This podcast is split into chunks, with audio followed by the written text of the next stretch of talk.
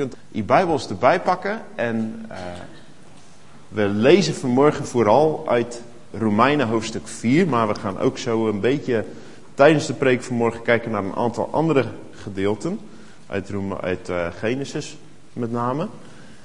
Maar we beginnen bij Romeinen hoofdstuk 4. En we gaan eigenlijk de hele hoofdstuk lezen. Oh.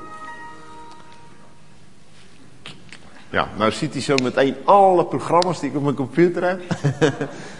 en uh, nou ja. zo is het, hè. Al, het duurt altijd even, joh. Ik kan niet zien wat ik gisteravond gespeeld heb. Nou, dat is niet waar. Ik was gisteravond lekker hard aan het werk. Aan het inpakken, want uh, vanmiddag na de dienst moet ik gelijk naar huis. Vanmiddag ga ik uh, naar Engeland. Ik ga daar nog een weekje lesgeven uh, DTS. Dus het is allemaal lekker druk vandaag.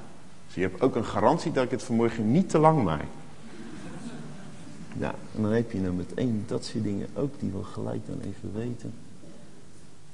Krijg je dat. Even het programmaatje zoeken.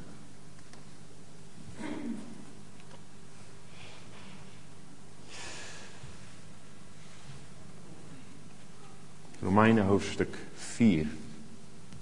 Terwijl de computer opstart.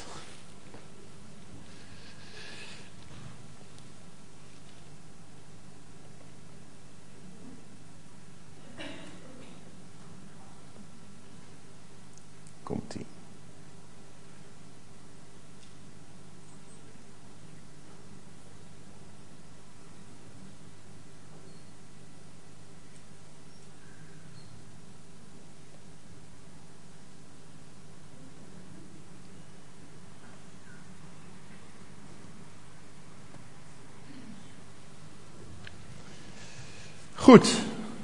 Nou, het duurt nog even voordat hij helemaal klaar is, maar ik denk dat wij uh, zo meteen maar kunnen beginnen met lezen.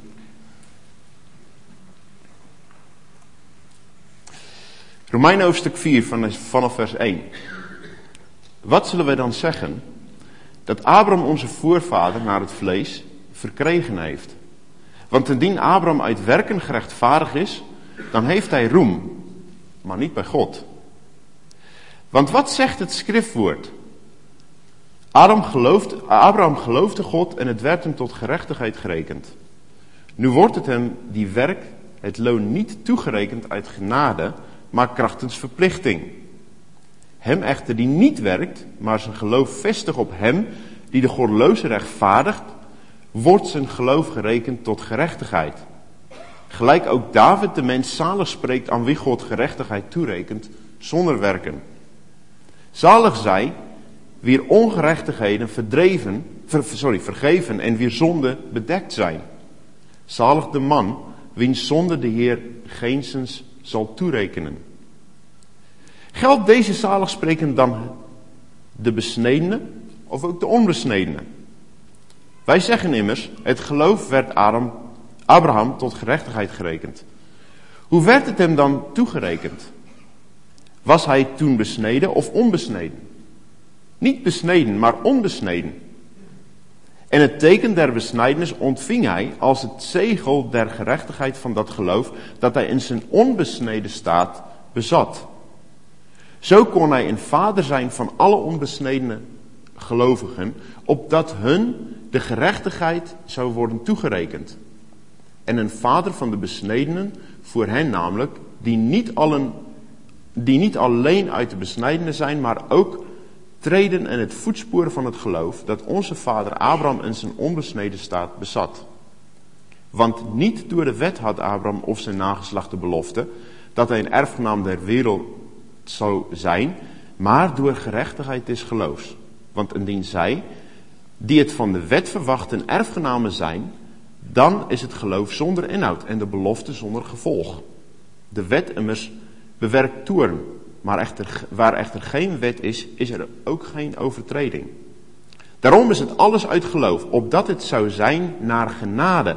En dus de belofte zou gelden voor al het nageslacht. Niet alleen voor wie uit de wet, maar ook voor wie uit het geloof van Abraham zijn. die de vader van ons allen is. Gelijk geschreven staat, tot een vader van vele volken heb ik u gesteld. Voor het aangezicht van die God in wie hij geloofde, die doden levend maakt en niet zijnde tot aanzien roept, tot aanzijn roept.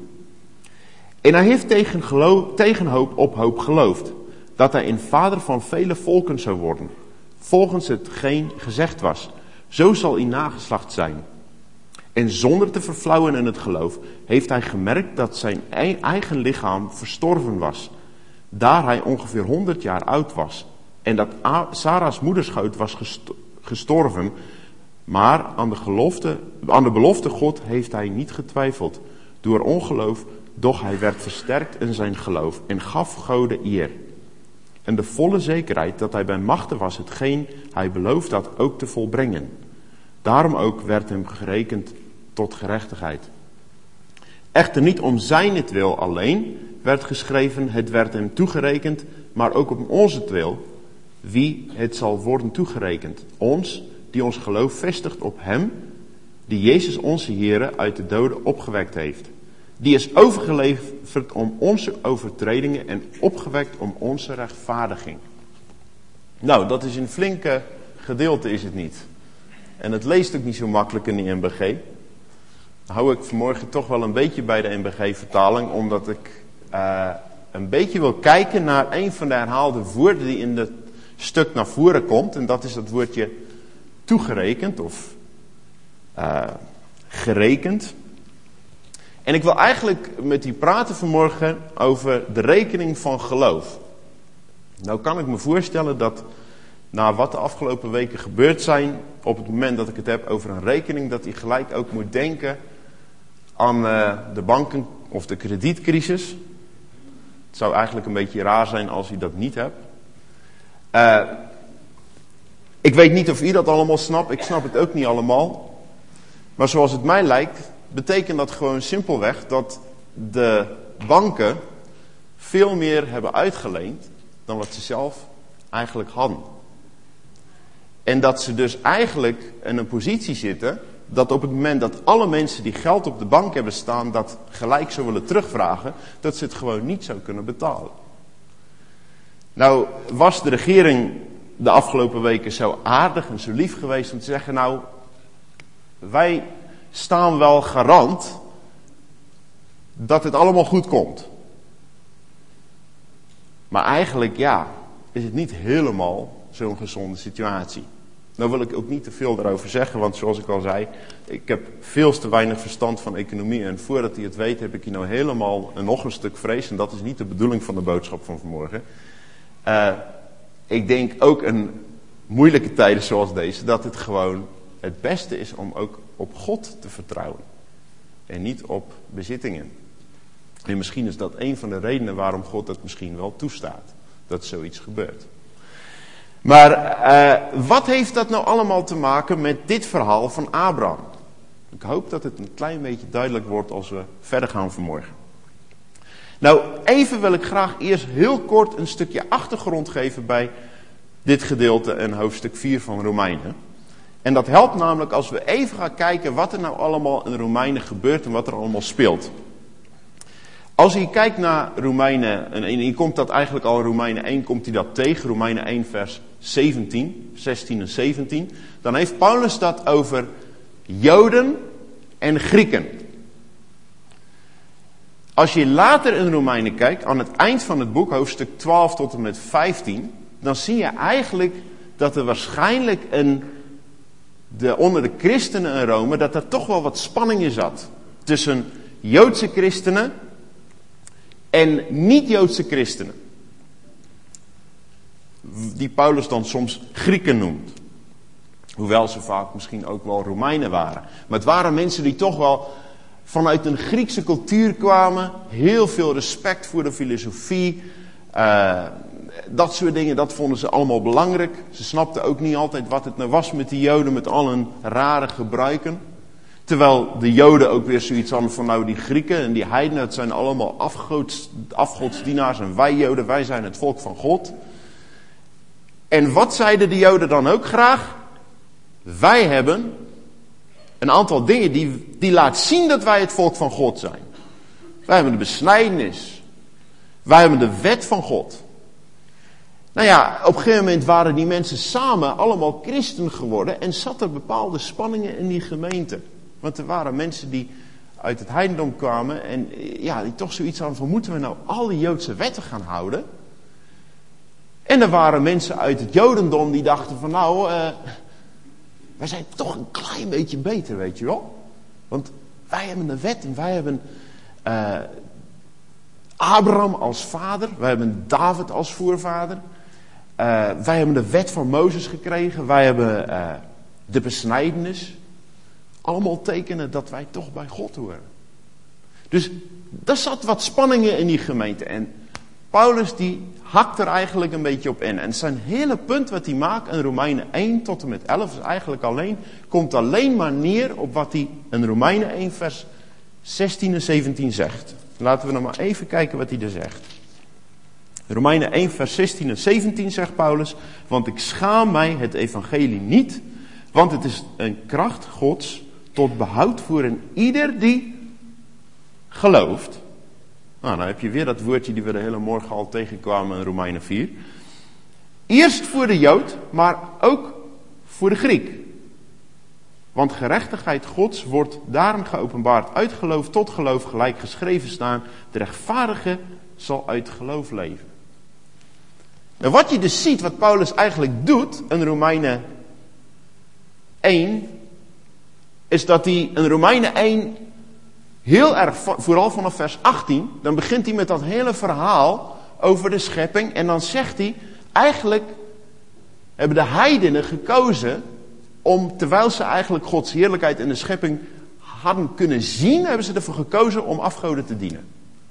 En dat leidde tot allerlei stommiteiten. En eigenlijk als je, als je het ziet in Romeinen 1, dat wordt alsmaar erger. En dat is het plaatje wat Paulus een beetje schetst. Nou, moeten wij ons een klein beetje een, een, een plaatje proberen voor te stellen. Als die brief van Paulus werd voorgelezen in zo'n gemeente, dan zaten die Joodse christenen daar met, ja, even hoofdschudden. Ja, dat is erg, die heidenen. Dan moet je maar nagaan wat die heidenen allemaal gedaan hebben. Die geloofden niet in God, die gingen afgoden aanbidden. Ze zijn zondig. En dat is net op het moment dat die Joden of dat, dat, die, dat die arme heidense christenen een beetje een hoofd laten zakken van ja, we hebben eigenlijk niet zoveel om op trots te zijn. Hè? Die Griekse wijsheid waar we allemaal zo trots op waren, dat stelt eigenlijk niks voor. Want wij, wij deden ook een hele aantal dingen die heel stom waren. Afgoden aanbidden. Ja, hoe kan dat nou? Dat je een afgod verruilt, een beeld verruilt voor de levende God. En op het moment dat, dat ze daar zitten, en de Joden eigenlijk denken van ja, het is goed dat het een keer gezegd wordt, komt Paulus in Romeinen 2, en waar hij die hele tijd had over zij, zij, zij in Romeinen 1, dan drukt hij zijn vinger onder de neus van iedereen die er een beetje zat te oordelen. Romeinen 2, luister maar wat hij in Romeinen 2 vers 1 zegt. Dan zegt hij, daarom zijt gij, o mens, wie gij ook zijt, niet te verontschuldigen wanneer gij oordeelt. En de rest van hoofdstuk 2, dan zegt Paulus, laten we even duidelijk zijn, het zijn niet alleen maar de heidenen die gingen zondigen, de joden die deden dat ook. En het feit dat de joden de besnijdenis hadden, en het feit dat ze de wet hadden, heeft ze eigenlijk helemaal niks geholpen. Want Paulus zegt, het is niet het hebben van de wet die maakt dat je, rechtvaardig, dat je rechtvaardig bent. Het is het houden van de wet. Dus Joden, jullie kunnen wel zeggen, oh wij hebben de wet, maar ja, jullie doen er niks mee. Dus, dan is het heel mogelijk voor Paulus om hoofdstuk 3 van de Romeinen te zeggen, allen. Dus, en als hij bedoelt allen, dan is dat niet zoals wat wij alleen maar denken van elke individu. Maar dan wil Paulus zeggen, dus, Joden hebben gezondigd, heidenen hebben gezondigd. Nou, daar waren we allemaal over eens. Maar Joden hebben ook gezondigd. En zijn punt is eigenlijk dit. Ze zijn allebei onder veroordeling. Allebei Joden en heidenen hebben eigenlijk niks om aan God te geven en te zeggen, u moet me accepteren. En dan zegt Paulus, de enige manier waarop Joden en heidenen bij God kunnen komen, is door geloof. Nou waren er natuurlijk een aantal Joden die zeiden van, joh, joh, joh, maar even wachten, hoe komt dat nou? En dan zegt Paulus, ik zal jullie dat laten zien uit de wet. Want ze dachten, Paulus die, die zit maar gewoon de hele eerste vijf boeken van de Bijbel, daar trekt hij eigenlijk zo'n streep door, door dat allemaal te zeggen. Wat is het nou met de wet die aan Mozes werd gegeven?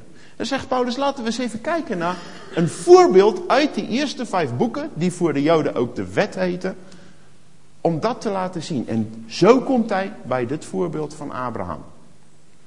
Hij zegt, uit de wet zal ik jullie een voorbeeld geven, en dat is het voorbeeld van Abraham. Hoe is Abraham bij God gekomen? Heeft Abraham een wet gehouden? Nee, de wet kwam pas bij Mozes. Wat was dat nou? Die maakte dat God zei: Abraham, kom maar erbij. En Paulus zegt: dat was geloof. Maar voordat je denkt dat geloof iets. Laten we eerst even goed kijken. Wat gebeurt dat nou met dat geloof? En dan begint hij met het voorbeeld van Abraham in hoofdstuk 4. Laten we nou goed gaan kijken. Wat gebeurt nou met dat rechtvaardiging door geloof in hoofdstuk 4? Hoofdstuk 4, vers 3. Dan zegt Paulus, want, want wat zegt het schriftwoord?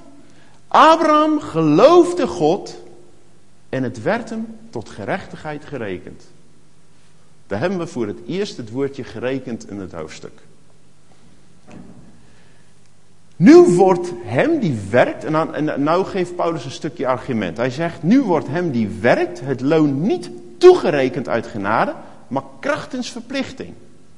Hem echter die niet werkt, maar zijn geloof vestigt op hem die de godloze rechtvaardig, wordt zijn geloof gerekend tot gerechtigheid. Nou, we komen straks bij dat woordje gerekend. Je moet dat woordje gerekend nou even vasthouden. Want dat woordje gerekend is heel belangrijk. En dat stukje hier is heel belangrijk om te begrijpen wat gebeurt met dat geloof van u en mij. Dat wordt ons tot gerechtigheid, net zoals voor Abraham, wordt het ons eigenlijk tot gerechtigheid gerekend. Maar voordat we daar komen, eerst even kijken wat Paulus verder zegt. In hoofdstuk 4, vers 6 tot en met 8. Want nou haalt Paulus David er ook nog eens een keer bij.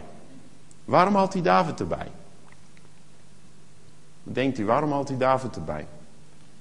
Hij haalt David erbij vanwege de psalm. En wederom vanwege dat woordje toegerekend. Het woordje toegerekend of toerekenen of rekenen is heel belangrijk voor, de, voor, voor het stukje vanmorgen. Gelijk ook David de mens zalig spreekt aan wie God gerechtigheid toerekent zonder werken. Zalig zij wie ongerechtigheden vergeven en wie zonde bedekt zijn. Zalig de man wiens zonde de Heere geenszins zal toerekenen. Nou, hebben we weer het woordje toerekenen. En in dit geval heeft dat te maken met een zondaar. David. Nou ja, wij weten allemaal een beetje wat David gedaan heeft. Weet hij nog? Met Batseba en uh, al die andere dingen. Oh, oh, oh. Dat was te snel. Oh, oh, oh. Sorry, dat, is, dat heb je nou met die dingen. Hè? Goed, daar zijn we. Nou, dan gaat Paulus nog een stapje verder. Vers, 4, uh, vers 9 en 10 dan zegt hij, geldt deze zaligsprekingen, met andere woorden wat hij net heeft gezegd, de woorden van David, dat God gerechtigheid toerekent, geldt dat nou alleen maar voor besnedenen of ook voor onbesnedenen? Wij zeggen immers, het geloof werd Abraham gerechtigheid tot gerechtigheid gerekend. Met andere woorden, nou komt hij weer terug op die verwijzing die hij uit het Oude Testament, uit het boek Genesis heeft. Hoe werd het hem dan toegerekend? Was hij toen besneden of onbesneden? Niet besneden, maar onbesneden. Nou, hoe weten we dat? Nou, dat is heel makkelijk. Dan moeten we even terug naar Genesis. Dat eerste stukje, het geloof werd Abraham tot gerechtigheid gerekend, waar komt dat vandaan?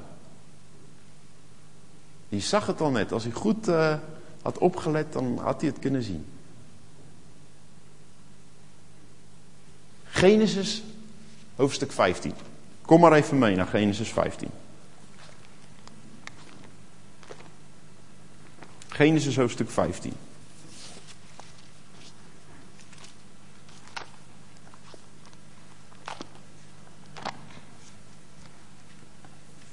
En dan vindt hij dat in vers 6. In vers 5 hoort hij eerst hoe dat God Abraham naar buiten nam, dat hij hem even de sterren liet zien en zei van nou, weet je, zo'n nageslacht ga ik je geven. En dan in vers 6 zegt de Bijbel, hij geloofde, dat is Abraham, hij geloofde in de Heere en hij, dat is de Heere, rekende hem dat toe als gerechtigheid. Nou, dit is waar Paulus zijn argument vandaan had. Om te zeggen dat je gerechtvaardigd wordt door het geloof. Door een God te geloven. Nou, uh, dat is dus Genesis hoofdstuk 15. Nou, wie weet wanneer komt de besnijdenis? Klopt, Genesis hoofdstuk 17. Dus dan moet je twee hoofdstukken verder. En als je kijkt naar een aantal jaren, dan zie je dat het nog best wel een aantal jaren verder is. En het verhaal van Abraham. Genesis hoofdstuk 17 komt de besnijdenis pas. Dus vandaar dat Paulus kan zeggen, hé hé, denk nou maar niet dat die rechtvaardiging kwam omdat Abraham besneden was. Daar had er helemaal niks mee te maken. Dat gaf God daarna om te zeggen, je bent gerechtvaardigd. Maar dat heeft helemaal niks te maken met het feit dat Abraham gerechtvaardigd werd. Nou snap ik, ik denk er waarschijnlijk al, ja, wat is het toch nou met die besnijdenis en die dingen vanmorgen? Want daar hebben wij natuurlijk helemaal niks mee. Maar in die gemeente, in die tijd van Rome, van, dat de Romeinenbrief geschreven werd, waren er toch een hele aantal mensen in de gemeente, vooral mensen van een Joodse komaf, die dachten, ja, Jezus, daar moet je in geloven, maar je moet eigenlijk ook wel besneden worden. Anders ben je niet gerechtvaardigd voor God. En ze hadden bijbelteksten om zich op te beroepen. Maar Paulus die maakt nou duidelijk, nee, je wordt gerechtvaardigd door geloof. Abraham die werd gerechtvaardigd door geloof voordat hij besneden was. Voordat hij nog wist dat er iets zoals een besnijdenis was. Nou, dan gaat het verhaal verder en daar gaan we vandaag vanmorgen niet in. Oh ja, hier hebben we die twee tekstgedeelten. De eerste hebben we al gelezen, de tweede hoofdstuk 17 vers 10 van Genesis. Dit is mijn verbond dat gij zult houden tussen mij en u en uw nageslag, dat u al wat mannelijk is, bij u al wat mannelijk is besneden worden. Nou, een hele verhaal daaromheen, dan kunt u verder nog altijd wel goed lezen en gelaten hoe dat verder in de gemeente zich uh, speelde in de tijd van Paulus. Daar wil ik vanmorgen niet te veel op ingaan, maar ik wil graag een beetje kijken wat verder gezegd wordt over Abraham. Nou zien we in hoofdstuk 4 van Romeinen, vers 19 tot, tot en met 21, zijn, lezen we de volgende woorden. En zonder te verflauwen in het geloof heeft hij opgemerkt, dat is nou Abraham, dat zijn eigen lichaam verstorven was, daar hij ongeveer 100 jaar oud was en dat Sarah's moederschoot was gestorven. Ook wel rare woorden die Paulus gebruikt. Hè? Abraham gestorven, maar Sarah's moederschoot ook gestorven. Nou, dat doet Paulus niet, niet voor niets. Maar aan de belofte Gods heeft hij niet getwijfeld door ongeloof. Doch hij werd versterkt in zijn geloof en gaf gouden eer. En de volle zekerheid dat hij, dat is God, bij machten was, hetgeen hij beloofd had ook te volbrengen. Ik moet eerlijk zeggen, toen ik het las, toen dacht ik, Paulus, je zit hier gewoon toch te jokken, joh. Abrahams geloof was helemaal niet zo vlekkeloos. Zegt Paulus hier dat Abraham nooit heeft getwijfeld. Nou, dat weet ik niet hoor. Ben, ben, ben, ben je het met, met uh, Paulus eens? Abraham nooit heeft getwijfeld? Nou, ik denk we moeten eens even gaan kijken. Wat gebeurt er nou in Genesis? Laten we even kijken naar een aantal van die verhalen in Genesis 12. Of in Genesis. Eerst beginnen we bij Genesis 12. Genesis 12, vers 1 tot en met 9. Nou gaan we niet het hele gedeelte lezen. Ik vertel u heel kort wat er gebeurt. En dan kunt u het zelf allemaal later thuis lekker doorlezen. Maar Genesis 12, vers 1 tot en met 9 vertelt hoe dat God Abraham riep. En dat zonder dat God precies zei waar hij naartoe moest gaan, dat God zei: Abraham, kom maar achter mij aan. Ik laat je zien, ik geef je een land en ik maak je tot een menigte. Ik maak je tot een groot volk. En Abraham ging. Ging weg uit het land waar hij woonde. En dat was best wel een grote stap. Hoe zou u dat nou typeren? Een stap van geloof? Ja, dat denk ik wel. Dat is zeker een stap van geloof. God zei, Abraham kom. En Abraham deed dat. Nou, dan lezen we Genesis 12, vers 10 tot en met 20. Dan lees je zo'n verhaal waar Abraham dan in het land kwam. Canaan, nou dat uh, ging allemaal, al die beloften die hij van God heeft gekregen, die gingen ook niet allemaal gelijk in vervulling. Er kwam een hongersnood. En dan moet hij met zijn familie, gaat hij naar Egypte. En dan komt hij daar, wat, wat doet hij dan? Laten we eens even kijken. Wat doet hij dan? Hij zegt tegen zijn vrouw, joh, zometeen, we zijn maar een klein groepje mensen. Zometeen kom ik in de problemen. Want ja, je bent toch nog wel een knappe vrouw. Ten spijte van je leeftijd. Ik weet niet wat voor make-up ze gebruikt had. Misschien, ja, misschien was het echt van die dode zee dingen, weet je wel. Wat ze altijd verkopen. Nou ja, goed. Ik weet het niet. Maar hij, hij zei van... Uh, uh, laten we maar gewoon zeggen dat je mijn zus bent. Is dat, is dat geloof? Nee, Abraham is heel praktisch bezig. Hij, hij maakt maar een plannetje. En hoe komt dat uiteindelijk goed? Kijk nou een beetje verder in dat verhaal. Vers 17. Maar de Heere sloeg Farao met zwaar. Want ja, want Farao die nam Sarah tot vrouw, hè? Die zegt nou, ik, ik trouw wel met Sarah. Het is zo'n mooie vrouw, die kan je niet uh, je voorbij laten gaan. Wie redt het verhaal? De Heer. God zegt, hey, ik heb een belofte aan Abraham gegeven dat hij een vader van een menigte van volken zal zijn. Ik kan niet toestaan dat die farao daar een aandeeltje aan krijgt. Dus ik zorg wel dat het even goed komt. Nou, zo gaat het verhaal dan verder. Genesis 13. Abraham en Lot die komen bij dat land. En Abraham zegt tegen Lot, jij mag kiezen. Nou, even voor de duidelijkheid. God heeft dat land aan Abraham beloofd. Abraham zegt, kies maar. Is dat een teken van geloof? Wat denkt hij nou? Ik denk dat het zeker een, een, een teken van Abrahams geloof is. Ja, God heeft gezegd dat het land uh, dat hij het land aan mij zal geven. Ik ga niet proberen om het zelf binnen te halen. Oké, dan komen we bij Genesis 15. Dat verhaal hebben we zo net gelezen, waar God tegen Abraham sprak en een verbond met hem maakte. En waar Abraham ook, de, de Genesis ons ook vertelt, Abraham geloofde God. Nou, dan gaan we naar Genesis 16. Wat gebeurt er in Genesis 16?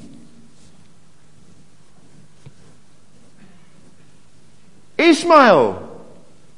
Abraham die luistert, Abraham zijn vrouw die zegt, joh, het, uh, ja, het gaat niet meer hè. Ik denk we moeten een ander plannetje maken, want God heeft er wel een belofte gegeven, maar misschien moeten we God wel eens een handje helpen. Ik heb een idee, we doen dat zo. Je neemt mijn slavin, hè, want nou, het is in die tijd helemaal niet zo vreemd voor een meesteres om haar slavin aan haar man te geven, zodat die slavin kinderen zou brengen die namens haar, haar kinderen zou zijn als het ware. Dus ze zegt, nou, we, we lossen dat probleempje wel op. Nou, de gevolgen daarvan, dat merken wij vandaag nog. Was dat nou een daad van geloof? Het lijkt mij niet zo'n daad van geloof van Abraham. Toch? Huh? Nou ja, moet je, moet je luisteren wat hij wat die, uh, in vers 2 zei. Abraham luisterde naar Sarai. Dan had hij maar beter naar God geluisterd. Dan moet hij dat nou niet gebruiken, mannen, om nou nooit weer naar je vrouw te luisteren. Want soms hebben ze echt wel uh, wijze raad. Maar in dit geval was het niet zo'n goed idee. Komen we bij Genesis 17. Nou, Genesis 17, dan krijgt Abraham toch die besnijdenis, hè? Het zal wel een heel gelovige man zijn die God zo'n teken toevertrouwt. Laten we eens even kijken in vers 17. God vertelde aan Abraham, ik ga je een zoon geven, ik ga je een groot volk maken. Kijk Abrahams reactie. Toen wierp Abraham zich op zijn aangezicht en lachte en zeide bij zichzelf, zal dan aan een honderdjarige een kind geboren worden en zal Sarah een negentigjarige gebaren? En Abraham zeide tot God, ach, mocht Ismaël voor je aangezicht leven. Geloven, wat, uh, is dat het geloof? Ik, ik heb er steeds meer moeite met wat die Paulus schreef. Hij heeft niet getwijfeld. Nou ja. Paulus, hoe lees je nou? Hij, hij, hij lachte God als het ware uit, joh. Je ziet Abraham, die oude man van 100, zie je op grond rollen van het lachen. Ik vader worden? Nou, laat me niet lachen. Hoofdstuk 20. Wat gebeurt er in hoofdstuk 20? Abraham komt bij een zekere Abimelech. en dan ten spijte van de leeftijd van zijn vrouw. Ja, u moet het me ook niet vragen hoe dat ging. Maar dan zegt hij weer tegen zijn vrouw: Oh, zeg maar dat je mijn zus bent. Dan gaat hij weer liggen. Nou ja, liegen, misschien een sterk woord, misschien zag het helemaal niet zo, want helemaal liegen was ze dan natuurlijk niet. Ze was eigenlijk op een manier wel verwant aan hem. Maar het is nou niet bepaald de sterke, grote gelovige Abraham. Je zou bijna zeggen, heeft hij de eerste keer bij Farao nou niks geleerd? Wie moet het verhaal weer redden? Het is weer God die zorgt dat het met Abimelech en zijn familie niet zo goed gaat. Dat die vent zegt, nou ik zal even wat verkeerd gedaan hebben, laat eens even kijken. En daarachter komt, hé, hey, eigenlijk is uh, Sarah de vrouw van iemand anders. God heeft een belofte gegeven aan Abraham. Ik geef jou vanuit Sarah een nageslacht. Abraham stelt het een gevaar. Hij brengt dat een gevaar door zijn optreden. Hier laat hij zijn vrouw aan een andere man. Is dat het onwrikbare geloof van Abraham? Gelukkig is er nog één verhaaltje. Hoofdstuk 22. Uiteindelijk heeft hij Isaac gekregen. En dan zegt God tegen Abraham: Abraham, ik wil dat je Isaac aan me offert. Het was in die tijd helemaal niet zo vreemd hoor. Het was heel gebruikelijk voor mensen om een eerstgeboren zoon aan een God te offeren. Vooral in Canaan. Dus dat God zegt, nou Abraham, laat eens even kijken of jij bereid bent om te doen. Wat die mensen hier om je heen ook bereid zijn om te doen voor een goden. Breng maar Isaac op. En dan doet hij het. Gelukkig dat God daar weer een stokje voor steekt. En zegt, nou Abraham, ik wil dat jij en de Israëlieten allemaal moet weten dat ik geen menselijke offers wil. Zoals die andere goden hieromheen. Maar als we naar dat heel verhaal kijken, dan moeten we gewoon eerlijk zeggen: ja, ik heb hier vier voorbeelden waar Abrahams geloof geprezen werd. Maar ik heb er ook vier voorbeelden waar het niet zo goed gaat. Hoe zit dat nou? Ik denk dat heeft ook een beetje te maken hoe dat wij vaak het Oude Testament lezen. Weet je, we zijn soms geneigd om het Oude Testament te lezen als een stel losse verhaaltjes, waarbij elk verhaaltje een soort moraaltje in zit. Van hé, hey, dat moet je doen, dat moet je niet doen. Nou, dat is wel heel schraal. We moeten vooral zien dat het Oude Testament het verhaal van God vertelt. Want wie is het held in dit verhaal? Abraham? Nee. Abraham is niet het held in het verhaal. Ja, hij heeft heel veel waar ik hem voor bewonder. Ik weet niet of ik het zou durven om zo'n stap te nemen als wat hij bereid was om te zetten. Maar Abraham, en dat, dat, dat zorgt de schrijver van Genesis ook heel voorzichtig voor, dat die en ik niet denken dat Abraham de grote held is. De grote held in het verhaal is en blijft altijd God. Want het is God die uiteindelijk zorgt dat het allemaal goed komt. En elk verhaal is het eigenlijk God die zorgt dat het weer goed afloopt. Maar wat kunnen we nu nog verder zeggen over dat geloof van Abraham?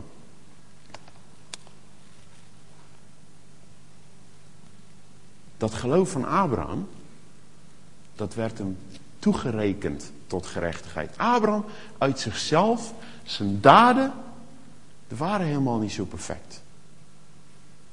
Dit wordt hem tot gerechtigheid gerekend.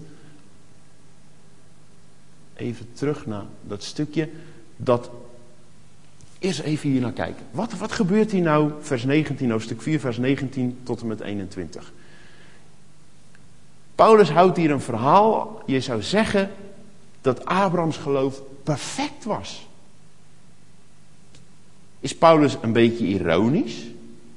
Of wil Paulus misschien juist zeggen, weet je, die rechtvaardiging die God aan Abraham gaf, dat heeft zelfs eigenlijk zijn hele, uh, zijn hele geschiedenis als het ware schoongemaakt.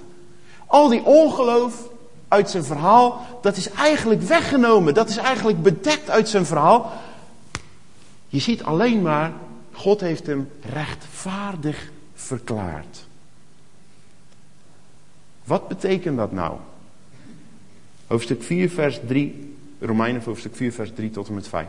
Want wat zegt het schriftwoord? Abraham geloofde God en het werd hem tot gerechtigheid gerekend.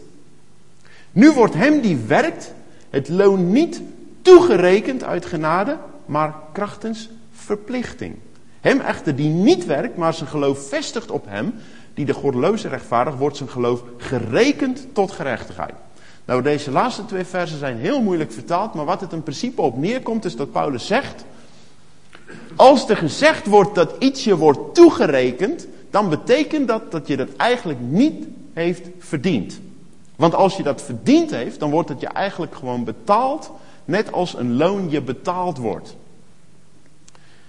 Dat brengt ons bij dat woordje toerekenen. Gerekend of toegerekend, wat betekent dat nou? Ik probeer even te, kijken of ik dat het beste kan illustreren. Uh, laten we nou voor een voorbeeld. Wie zal ik nou uit, uit kiezen? Om voor een voorbeeld te gebruiken. Even een bekende van wie ik weet dat het nou. Dat het wel goed komt. Iemand die ik nog al een paar jaar ken. Nou, ik neem maar. Uh, ik weet, ik neem Betty. En dit is zo'n lief mens, die gaan. Die zal niet boos zijn. Betty, heb je toevallig een Bijbel bij je? Nou, voor het voorbeeld, laten we zeggen voor het voorbeeld, uh, dat, ja, wij hebben wat, nou, ik zeg wel, we doen het andersom. Laten we nog maar stellen, ik heb geld geleend bij Betty. Heel veel geld. Nou, uiteindelijk is ze bezig om even een rekensommetje te maken. En ze komt erachter dat, uh, uh, ja, dat ik er zo een 10.000 euro schuldig ben. En dan komt ze en zegt, Anton, dit wordt tijd dat je het moet betalen. En dan zeg ik, Betty, maar ik heb niks bij me. Het enige wat ik bij me heb, is uh, mijn Bijbel. Of nou ja, de Bijbel is veel waard. Hè? Dus neem mijn computer. Het enige wat ik bij me heb, Betty, is mijn computer. Je mag die zo hebben. Het is echt alles wat ik heb. En dan zegt Betty, ja, maar die computer is helemaal... Ja, het is wel een mooie computer hoor. Het is een mooie laptop, maar die is geen 10.000 euro waard hoor. En dan zegt ja, dat is alles wat ik heb. Nou is Betty heel aardig en dan zegt ze, weet je wel, eigenlijk schuld je me 10.000 euro. Die laptop van jou is dat helemaal niet waard. Maar ik reken de waarde van die laptop 10.000 euro. Geef die laptop maar. Eigenlijk is laptop nog een slecht voorbeeld, want die is nog een beetje groter. Ik zou als het ware moeten zeggen, ja, dit is alles wat ik heb. Zakdoekjes. En dat is wat het woordje rekenen, toerekenen betekent. Dat betekent niet dat God zegt, weet je, dat is zoveel waard dat geloof van Abraham. Ik ga dat, uh, ja, ik moet dat accepteren, hè. Nee, dat is dat God zegt, weet je, dat geloof van Abraham, dat is helemaal niet zoveel waard. Maar ik reken dat genoeg om die schuld te betalen. Want ik sta garant voor die schuld. Dat is wat het woordje rekenen betekent. God heeft Abraham zijn gerechtigheid niet gerekend. En dat hebben we nou even gezien uit het voorbeeldje van Abrahams leven. Ja, geloof had hij wel. Een hele grote geloof? Soms wel. Soms helemaal niet zo groot. Abraham kreeg niet gerechtigheid van God, omdat hij zo een geloof heeft. God neemt dat kleine geloof van Abraham en zegt, dat reken ik tot gerechtigheid. En weet u, dat is hetzelfde bij u en mij. En dat is wat Paulus zo mooi schrijft in hoofdstuk 4, vers 22 tot en met 25. Dan zegt hij, daarom ook werd het hem gerekend tot gerechtigheid. Echter niet om zijn het wel alleen werd geschreven, het werd hem toegerekend, maar ook om ons het wil. Wie het zal worden toegerekend. Ons die ons geloof vestigen op hem die Jezus onze Heer uit de doden opgewekt heeft. Die is overgeleefd om onze overtredingen en opgewekt om onze rechtvaardiging. Lieve vrienden, en dat brengt me terug bij onze rekening bij God. Daar staat er helemaal niet zoveel op. Zelfs al, al, al, al, bent u hoe gelovig en al doe u hoeveel. Kom ons wees nou eerlijk. Vaak doen we ook genoeg dingen die ons heel diep in een kredietcrisis laten zakken. Het is God die zegt, ik red. Het is God die zegt, ik rechtvaardig. En daarom, lieve vrienden, moet u en ik altijd toch maar een beetje nederig blijven. We moeten op God vertrouwen. We moeten op God blijven vertrouwen. Want uiteindelijk is God degene die het waar maakt. Maar we moeten niet zo arrogant zijn om te denken dat wij God iets te bieden hebben en dat God het als het ware maar moet. Weet je, tegenwoordig hoor je zo vaak mensen als het ware een soort geloof verkondigen van joh, het is een soort recept. Je moet het zo doen, je moet het zo doen, je moet het zo doen en dan goed, dan doet God dat. God moet helemaal niks. Even voor de duidelijkheid. Wij komen met ons mosterdzaadje van geloof bij God. We bieden dat aan en dan zegt hij, goed zo, geef maar hier.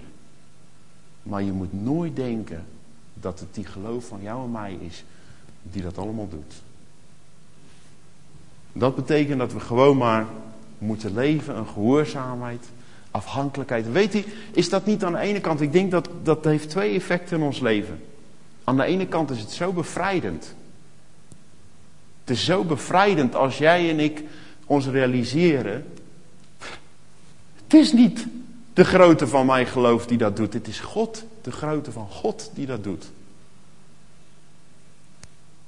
Ga je een stuk meer relaxed door het leven. Niet altijd met dat gevoel van, heb ik nou wel genoeg gedaan voor God? Maar aan de andere kant maakt het ons ook een stukje nederiger naar elkaar toe. Voordat we een beetje gaan neerkijken op elkaar. Van, oh, die heeft, ik heb er toch wel een beetje meer geloof dan die, hè? Nee. We staan allemaal voor God. En of het nou een mosterdzaadje is, of een pijnboompit, het is te klein. Het is God die het ons tot gerechtigheid rekent. Laten we dan nederig zijn tegenover elkaar. Laten we genadig zijn tegenover elkaar. Laten we onszelf niet zo trots opstellen. Alsof wij God als het ware gedwongen hebben om iets voor ons te doen. Maar laten we gewoon een dankbaarheid uit geloof gewoon leven. En weet u, het mooie is dat God dan de held is die zorgt dat er altijd een goede einde aan het verhaal komt. Net als in het verhaal van Genesis is God en niet u en ik de held van dit verhaal van ons leven. En dat geeft ons reden om Hem te dienen en te prijzen en te aanbidden en te loven, voor Hem te leven. Maar niet andersom. Amen. Zullen we samen bidden?